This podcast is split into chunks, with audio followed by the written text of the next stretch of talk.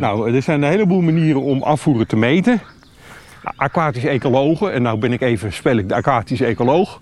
Die eh, nemen vaak monsters eh, in, in de beek. Dan kijken ze naar kokerjuffers en weet ik wat allemaal. En eh, die doen dan vaak nog een afvoermeting met een sinaasappel bijvoorbeeld. Zo'n sinaasappel heeft ook flip bij zich. Maar de waterdiepte in de beek is te gering om de vrucht als drijver te kunnen gebruiken. We zitten bij een heel klein rotbeekje. Uh, sorry, dat mag ik zo niet zeggen. Maar een heel klein beekje. We meten de breedte van de beek.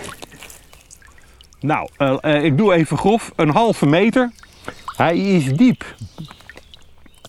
nou, 3 centimeter. Een halve meter maal 3 centimeter. Dus 150 vierkante centimeter. Dat is 0,15 vierkante meter. 0,15 vierkante meter, ja. Bent u daar nog? Nou, en uh, dan meet ik een afstand van uh, bijvoorbeeld 1 meter.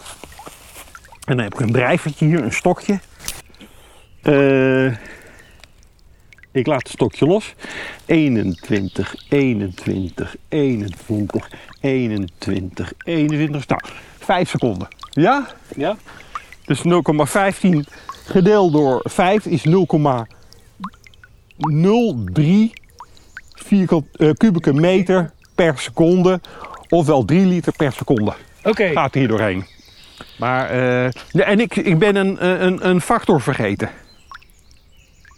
Mag ik mijn uh, meting nog corrigeren? Nou, we zaten dus op 3 liter per seconde.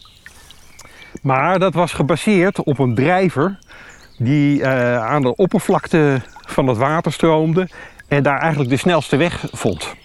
En het water wat uh, aan de kanten zit en vlak boven de bodem stroomt natuurlijk veel minder hard. Dus daar moet je voor, voor corrigeren. En daarvoor passen we een correctiefactor 0,6 toe. Dus dan komen we uit op 2 liter per seconde. Dat is heel anders dan in Oosterbeek. Hè? Daar heb je van die sprengkoppen waar het eruit spuit. Dan zie je het water gewoon uh, uit de grond komen. Nee, dit is niet best, zo lage afvoer. En dat heeft ook consequenties voor de begroeiing, planten, diversiteit, uh, et cetera? Nou, vooral voor het aquatisch leven. Hè? Daar, daar zit uh, in zo'n beek daar uh, zitten libellenlarven, haften, platformen, allerlei uh, spul uh, en visjes. Als het een goede beken zijn, echte mooie beken van de Veluwe, daar horen ook soorten als elrits, rivierdonderpad en beekprik in terecht. En, dus er wordt een hele schrale waterleven hier. Als een beek droog valt, dan wordt het schraal. Dat is nog, dat is bijna niks meer. Dat kan je niet hebben.